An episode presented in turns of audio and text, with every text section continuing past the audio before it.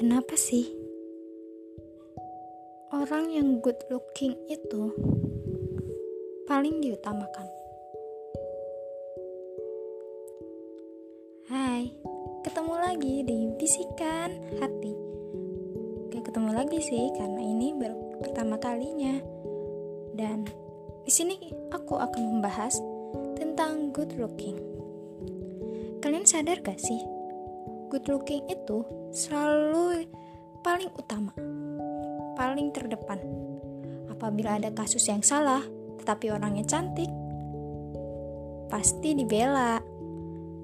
Apabila ada kasus yang sangat memalukan dari dirinya, tapi orangnya cantik, pasti dibela. Beda sama orang yang kurang good looking. Sebenarnya tidak ada orang jelek asal kita bisa merawat diri.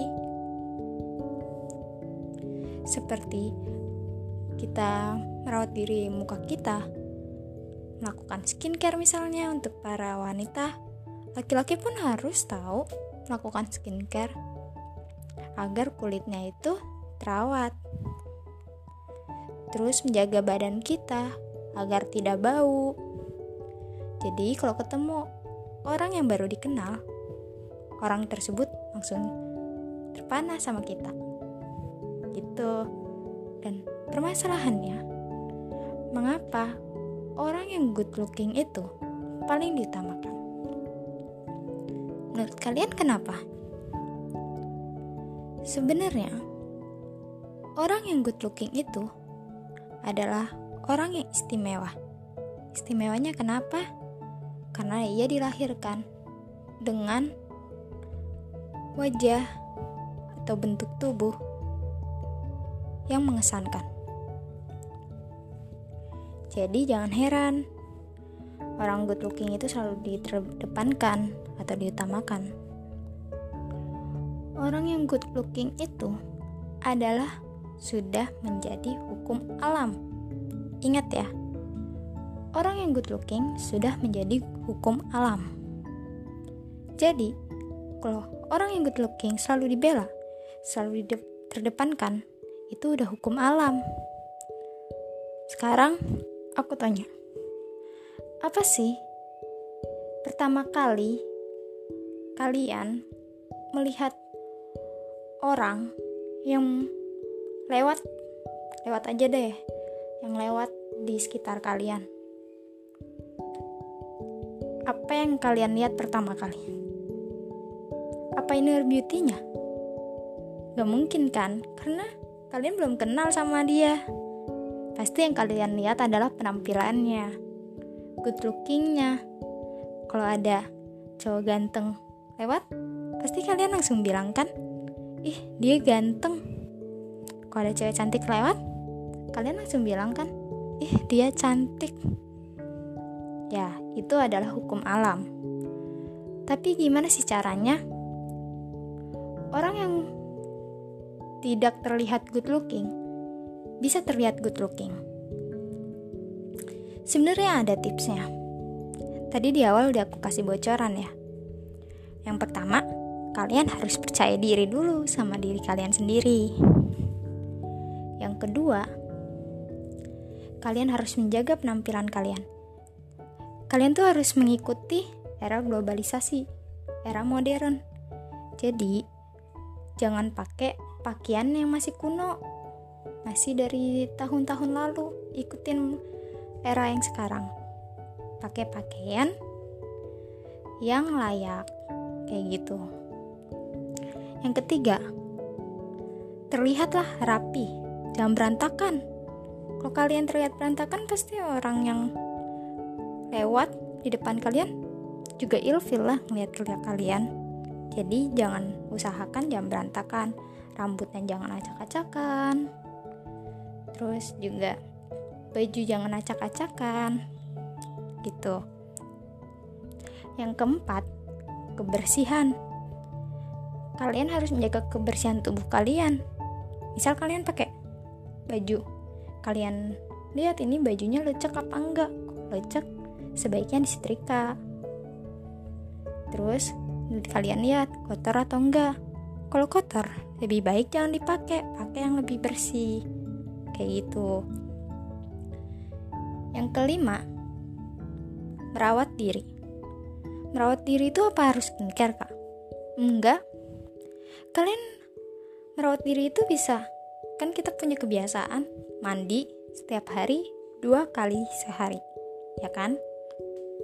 Nah kalian bisa sampoan kalian pakai sabun atau pakai body lotion pakai lulur biar wangi.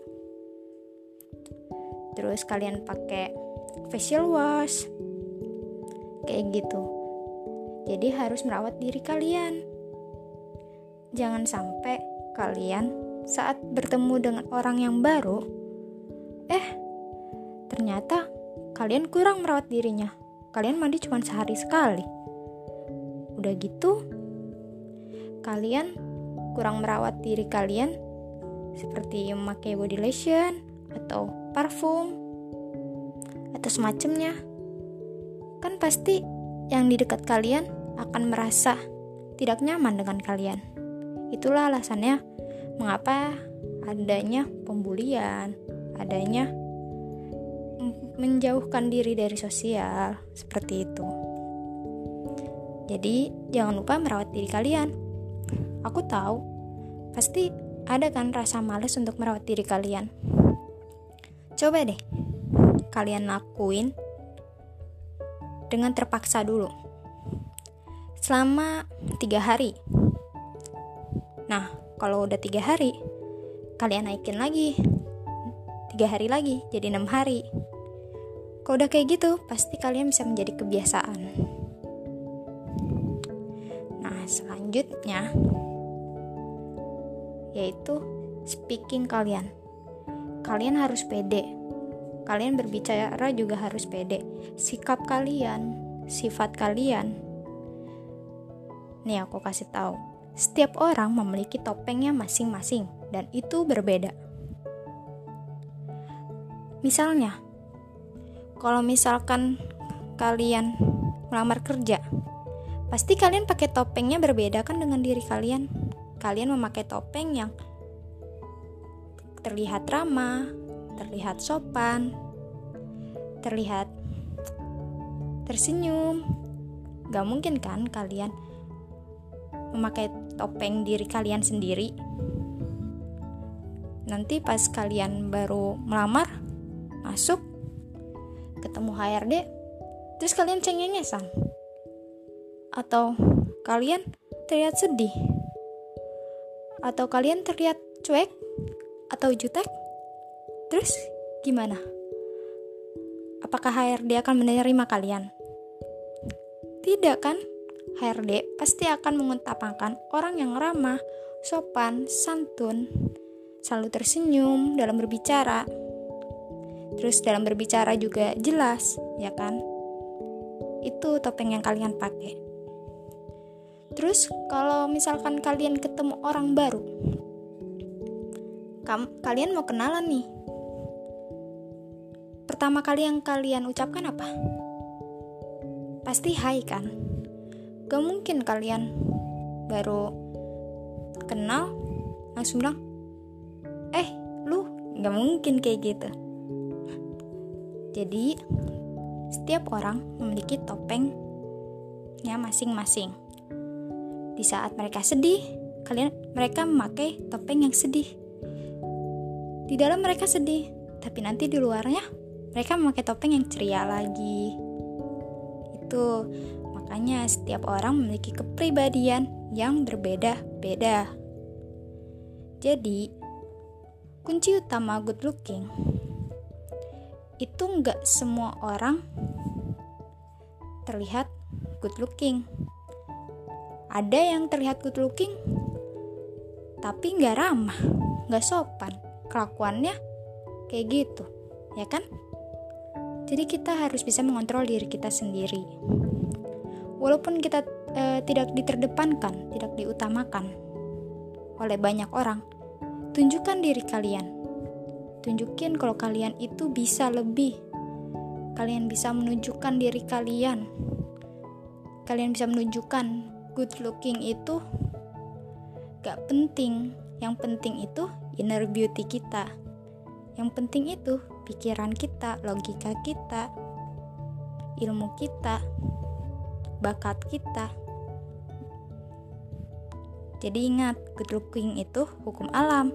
Tapi kalian jangan minder sama orang yang good looking. Semangat ya. Bye bye sampai ketemu di podcast selanjutnya